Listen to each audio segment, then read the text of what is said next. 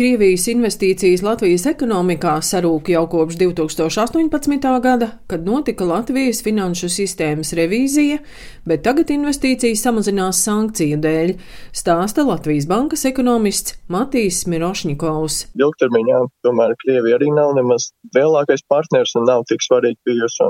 Krievijas uzkrāto ārvalstu tieši investīciju īpatsvars ir tikai aptuveni 8% no kopējā. Un tas šobrīd arī krītas, jo, pieņemsim, pirms kāda gada, diviem tur pat bija 10-11% no visām investīcijām, bet šobrīd ir tikai 8%. Protams, ka ir tāda valsts grupiņa, no kurām ieplūst visvairāk, un tās būtu tās mūsu kaimiņu valsts, Igaunija, Lietuva, piemēram. Zviedrija ir izteikti lielākais mūsu partners ilgtermiņā arī, kur ir vislielākais uzkrāto investīciju īpatsvars. Arī Vācija ir diezgan liels, un tad jau tur tās pārējās valsts ir mazāk. Tur ir profesionālie pakalpojumi, finanšu pakalpojumi, diezgan daudz ir investēts vairumtirdzniecībā un mazumtirdzniecībā, tāpat arī apstrādes rūpniecībā. Un arī operācijas ar nekustamo īpašumu.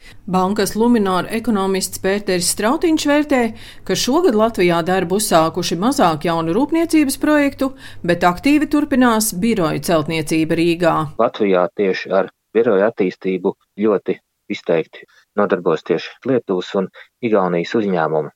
Rūpniecība tur vairāk būs investīcijas no, no Ziemeļvalstīm, no Vācijas, bet birojas no kaimiņu valstīm. Un iespējams, ka Lietuvas un Igaunijas uzņēmumi mierīgāk uztver šos tā saucamos ģeopolitiskos riskus. Pēterim Strautiņam vaicāju, kādu ietekmi uz Latvijas ekonomiku varētu atstāt Krievijas opozīcijas mēdīju, piemēram, Dožģa ienākšana Latvijā. Tātad ir runa par Krievijas opozīcijas mēdījiem, kas bēg no Krievijas.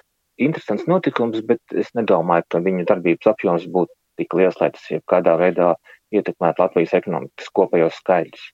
Jājautā, vai Krievija ir bijusi vispār nozīmīgs tiešo investīciju avots. Es teiktu, ka uh, Krievu izcelsmes uzņēmēji caur saviem uzņēmumiem Kiprā, Nīderlandē un citur, jā, viņi ir daudz ko darījuši dažādās nozarēs rūpniecībā, piemēram, Food Union, Liepājā Aikoton, arī vēl Rīgas elektromašīnu būs rūpnīca. Nākotnē pieļauju, ka no Krievijas puses tiešām nekādas lielas investīcijas nenāks.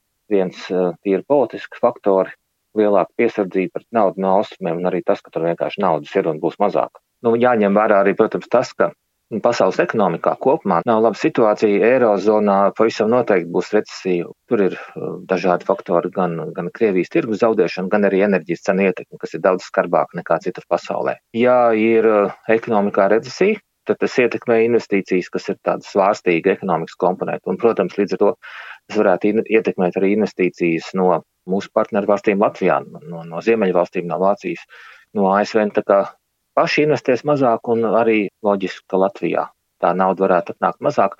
Un plus vēl iespējams arī reģiona risku uztvere. Ir riski, kurus mēs iepriekš iespējams nenovērtējām. Tas rada stresu, protams, var traucēt investīciju piesaistē, bet uh, Krievijas uh, armijas, liels armijas daļas faktiski bojājai Ziemeļvalstu tuvošanās NATO, Vācijas ārpolitikas maiņa, tas viss mūsu drošību uzlabo. Ārvalstu investoru padomas Latvijā valdes priekšsēdētāja Zlata Elksniņa Zašķirīnska stāsta, ka investoriem izšķiroši būs nevis ģeopolitiskie faktori, bet darba spēka pieejamība mēs redzam, ka joprojām investora interese par Latviju eksistē. Un skaidrs, kā investori skatās un pēta, un kas viņiem ir svarīgi, vai Latvijā spēj nodrošināt atbilstošu darba spēka gan kapacitāte, gan atbilstošu iemaņu līmenis. Un tas ir bieži vien pēc kā ārvalstu investori vērtē vai ieguldīt Latvijā vai neieguldīt. Līdz ar to tas viennozīmīgi ir tas, uz ko Latvijai būtu jāvērš ļoti liela uzmanība.